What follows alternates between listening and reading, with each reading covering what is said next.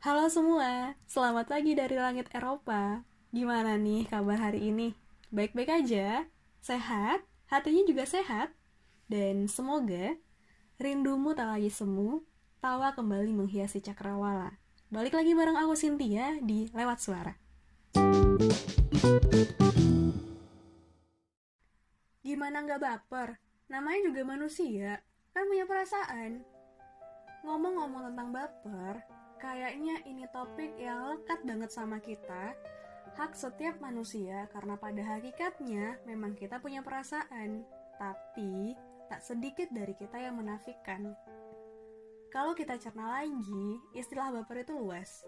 Bisa terjadi di dunia pertemanan, dunia pekerjaan, organisasi, komunitas, dan masih banyak lagi.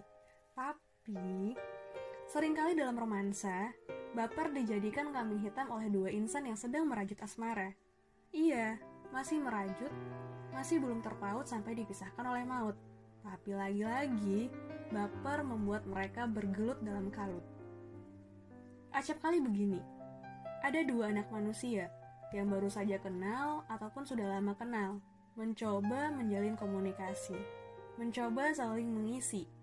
Di sini sepertinya akan berlaku sebab akibat.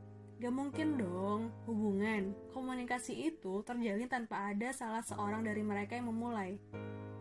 Oke, awalnya baik-baik aja. Tapi ini gak akan baik-baik aja kalau terjadi antara cewek dan cowok. Aku gak akan menyalahkan cewek, aku gak akan menyalahkan cowok. Aku hanya menyalahkan dia yang memulai, memancing dengan rayuan dan kalimat-kalimat perhatian yang mengundang banyak asumsi.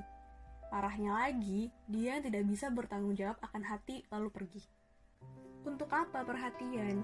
Bertanya ini itu yang mulai terkesan intim, tapi hasilnya minim. Kalimat-kalimat yang kamu lontarkan hanya akan mengundang tanya yang seharusnya punya jawaban. Kalimat kamu itu berujung, kalimat kamu itu bersambung. Kamu menyelipkan kode-kode beribu makna. Kamu sudah makan, makan di sana, nanti sakit. Semangat ya belajarnya, kerjanya.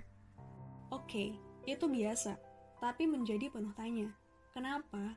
Karena nggak sekali dua kali kamu bertanya. Seintens itu. Salahkah dia yang beranggapan bahwa kamu menyimpan rasa? Makin ribet lagi jika pertanyaan itu berubah tema ke arah keluarga, masa depan, dan menyinggung status kejombloanmu sekarang. Kamu, kamu yang memberi benih harapan itu, lantas kamu pula yang menyalahkan dia saat mulai memendam rasa. Tolonglah, peka. Salah siapa? Katanya nggak dekat, tapi sering ngechat. Giliran ditanya mau serius, malah diam kayak dibius. Kamu, kamu malah menyalahkan dia. Salah sendiri, baperan sih. What? Kita sama-sama punya hati. Lain kali, tolong lebih berhati-hati. Ya, hati-hati dengan hati.